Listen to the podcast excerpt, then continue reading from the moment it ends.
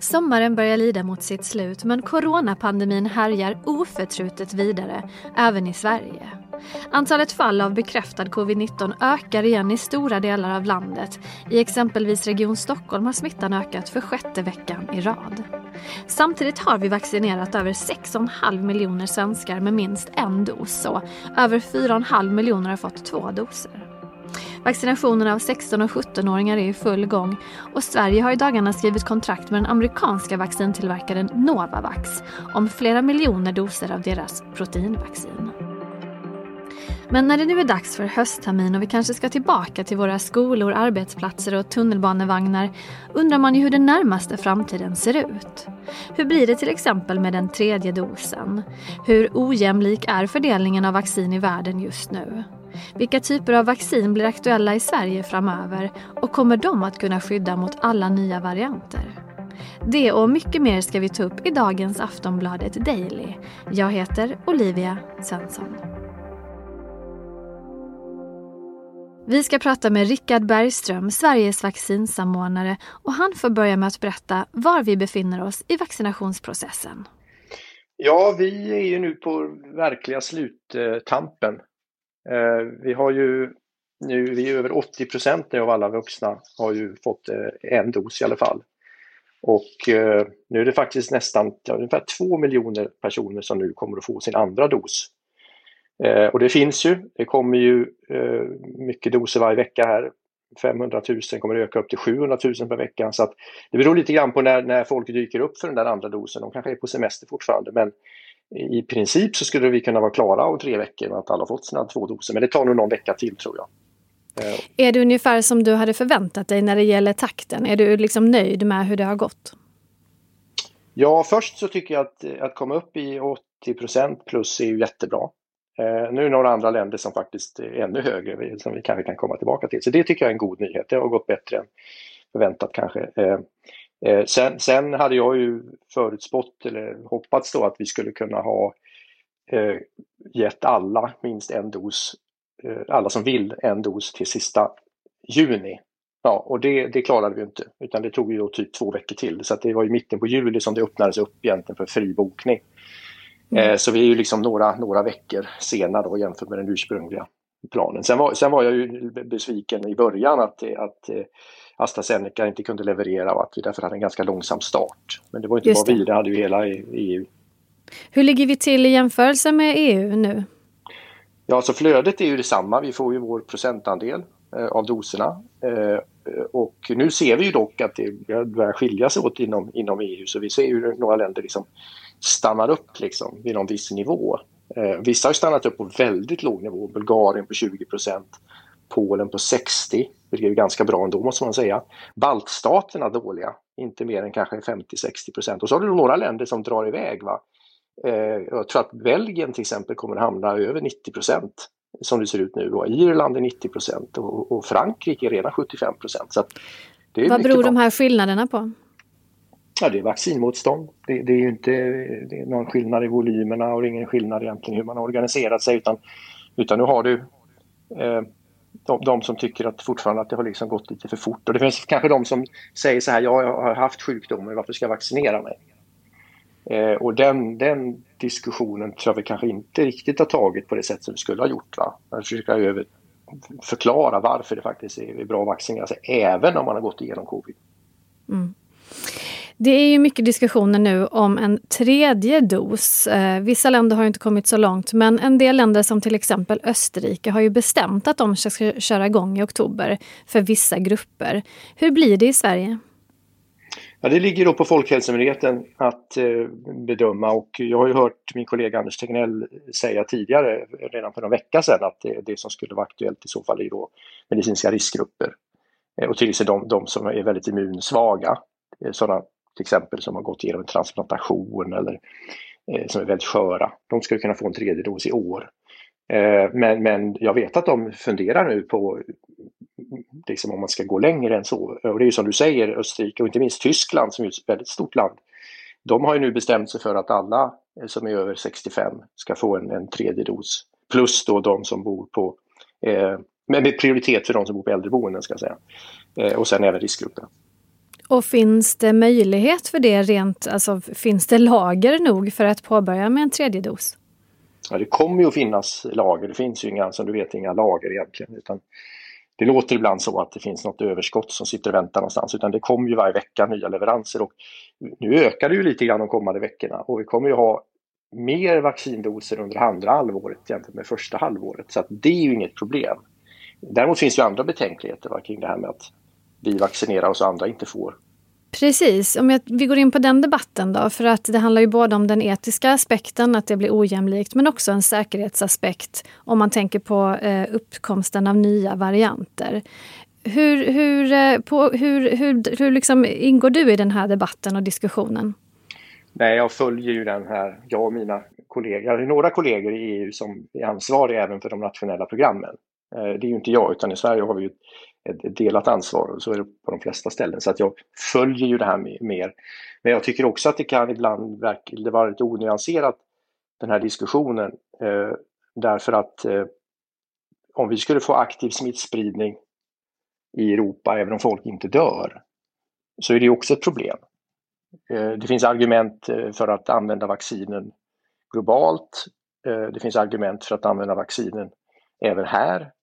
Eh, och det där är ytterst liksom en bedömning då för Folkhälsomyndigheten och sen kanske till och med ytterst eh, regeringen tar ställning till eh, hur de här vaccindoserna ska användas. För vi har ju verkligen så att det räcker. Men är det så? För jag tror att många människor har svårt att förstå hur det ser ut. Med, alltså att vissa länder har ju inte fått så mycket vaccin och har inte tillgång till så mycket vaccin. Och andra länder har alltså möjlighet att påbörja med en tredje dos. Hur, är det inte en väldigt ojämn fördelning? Det är en ojämn fördelning och den, den beror på många saker. Ett är att den här Covax-mekanismen hade otur och satsade också väldigt mycket på produktion i Indien eh, som inte exporterar någonting. Exportstopp därifrån. Man satsade väldigt mycket på AstraZeneca som har problem. Eh, ett vaccin som heter Novavax som, som inte har dykt upp än men som kommer så småningom. Eh, det är det ena och det andra är att det är också så, ska vi komma ihåg, att de överskott vi nu har är ju väldigt mycket med mRNA-vaccin, alltså Pfizer och Moderna som många av de här länderna inte kan använda. Så det är inte så, helt så enkelt som att vi skulle avstå helt och hållet så skulle de här kunna komma till användning överallt. Det, det, Varför kan de inte använda de vaccinen? Alltså Pfizer förvaras ju i minus 70 grader. Och många eh, små utvecklingsländer kan ju klara av det. Eh, små kompakta länder om man organiserar sig väldigt väl. Va? Eh, men det är ju jättemånga länder som, där det där skulle vara helt omöjligt att, att, att hantera. Men nu har vi ju stora överskott av både Janssen, som vi inte använder i Sverige, och AstraZeneca som vi nu inte då eh, tar in fler doser av. Och de överskotten ska vi ju donera eh, till största delen. Och det har ju börjat redan. Sverige har ju donerat nu, vi är uppe i 1,8 miljoner doser tror jag, donerade. Mm. Vilka vaccin kommer att bli aktuella i Sverige framöver? Ja, stommen här i, i programmet är ju då Pfizer och Moderna. Det har vi ju sett hur bra de är. Eh, de är väldigt, fortfarande väldigt effektiva även mot, mot delta och i synnerhet när det gäller svår sjukdom och död. Så att, och de går att uppdatera, så vi kommer att få uppdaterade varianter av de här vaccinen eh, från Pfizer, Nej. kanske redan i, ja, redan i oktober, november från Pfizer och Moderna något senare. Men, så det är ju stommen och vi har jättevolymer för nästa år så att vi kan vaccinera alla flera gånger till och med. Eh, sen måste vi ha andra alternativ. Eh, vi vet inte än liksom, om det finns vissa grupper av människor som eh, blir bättre om man ger till exempel proteinvaccin. Så vi har ett vaccin från Sanofi som är på gång och vi har ett vaccin från Novavax som kommer senare också. Och de, där har vi kontrakt och vi vet faktiskt inte liksom, vilka som ska få de volymerna. Men, men, men vi måste så att säga helgardera även när det gäller teknologi, inte bara med, med antalet tillverkare. Nu kom ju deltavarianten och spred sig väldigt, väldigt fort. Eh, var du själv förvånad över hur snabbt det har gått och, och vilka nya utmaningar som det har, har eh, visat sig ha? Nej, jag var inte förvånad och eh, vi började ju då i EU-kretsen, min, min, mina kollegor, vi, vi började ju prata om det här redan i våras. Och menar, vi skrev ju det här jätteavtalet med Pfizer på 1,8 miljarder doser under två år. Det gjorde vi ju därför att vi, vi, eh, vi fick ju råd från våra experter att, att det kan dyka upp någon, någon variant som blir dominerande och som är betydligt mer, eh, som sprider sig mycket snabbare, vilket det här då gör delta. Eh, så att nej, jag är inte så förvånad, men det är ju tråkigt givetvis att se hur det här nu sprids så snabbt och inte minst i utvecklingsländerna där det ställer till en massa besvär. Det har ju pratats lite grann om eh, hur vi kommer att liksom ha det framöver. Kommer vi att ha en säsongsspruta mot covid precis som vi har haft mot influensa? Eh, du som sitter med i alla de här grupperna, vad, vad tror ni? jag tror att det blir en, en återkommande verksamhet. Och även om man skulle kunna klara sig med, med vartannat år eller sånt där, 18 månader, så finns det också en, en, en finess med att kanske göra det här varje år. Eh, så det finns ju planer nu, flera företag jobbar nu på att ta fram en kombination mellan säsongsinfluensa och eh, covid-19. Och så skulle man då även uppdatera covid-19 hela tiden så att den liksom är, parerar de olika mutationerna. Så ja, det är ju min, min det, det tror jag kommer att hända, det är det mest sannolika att det blir liksom en årlig vaccincocktail som man, som man ger. Du som har insyn i processen och vilka vaccin som tas fram. Eh, är din uppfattning att det kommer att finnas vaccin för att täcka alla möjliga varianter som nu uppstår? Ja, det kommer det och, och sen pågår det fortfarande forskning med andra typer, det orala, alltså, alltså vaccin i tablettform det sker jättemycket forskning kring det här med, med beredning, alltså formulering och så att det ska vara enkelt att hantera, förfyllda sprutor och bättre hållbarhet och så här. Så att det, det, det, det, det pågår hela tiden nu liksom ett, ett, ett, ett arbete att förbättra.